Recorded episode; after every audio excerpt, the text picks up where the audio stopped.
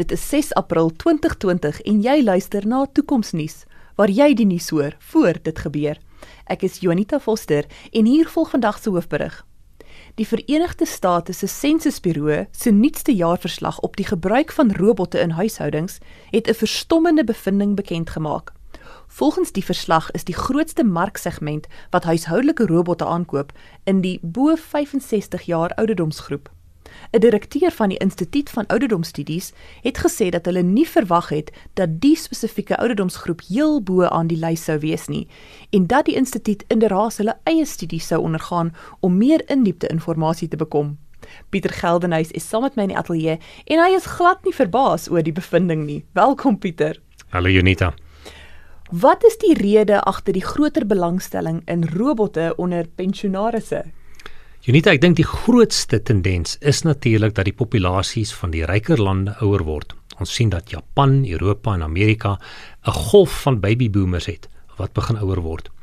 In 2010 was daar om en by 30 miljoen mense in Amerika wat bo die ouderdom van 65 was.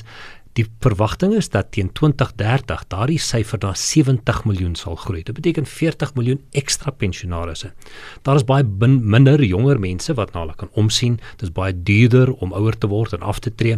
En wat robotte nou begin doen, is dat dit 'n geweldige impak begin hê op mense wat nie meer die energie het wat hulle van tevore gehad het nie. En dit is een van die groot redes. Tweedens sien ons dat die koste van huisrobotte dramaties geval het en derdens die hoeveelheid robotte wat nou beskikbaar is om jou met jou huishoudelike take te kan help. En dis die drie groot redes vir hierdie toename in die aankope van robotte. Watter robotte word aangekoop en en is alreeds redelik beskikbaar en word mees algemeen in huise gebruik?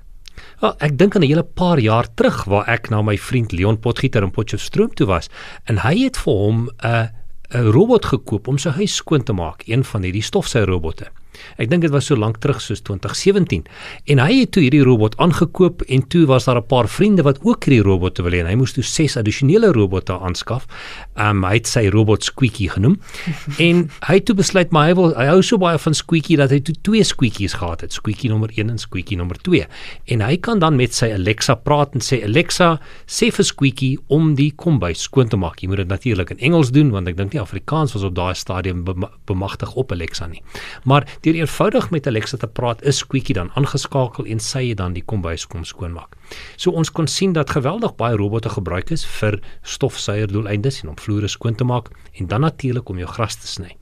Nou die robotte slegs in 2018 kon jy een van hierdie stofsuier robotte kry vir omtrent R5000 en dan om 'n robot aan te koop om jou gras te sny enigiets tussen 8 en 20000 afhangende van hoe groot jou grasperk is.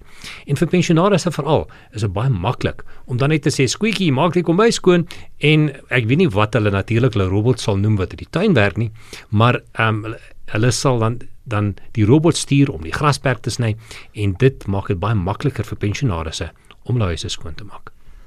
Wat kom na Squeaky? Wat wat is wat is die nuwe Squeaky? Wat is die nuutste tipe robot wat nou 'n groter wordende rol in pensionaars se lewens begin speel?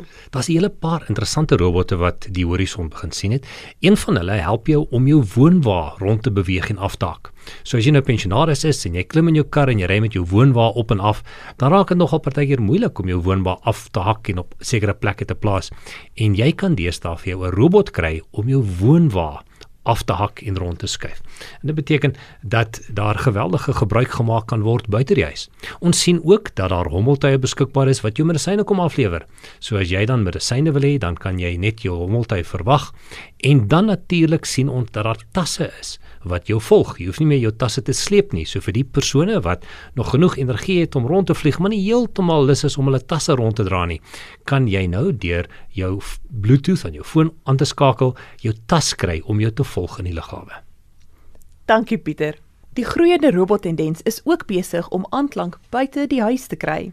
Die groeiende deel van die populasie wat aftree, het verskeie motorvervaardigers gemotiveer om hul self-aangedrewe voertuie te herdefinieer deur self-aangedrewe rolstoele sentraal te maak tot die voertuig se ontwerp.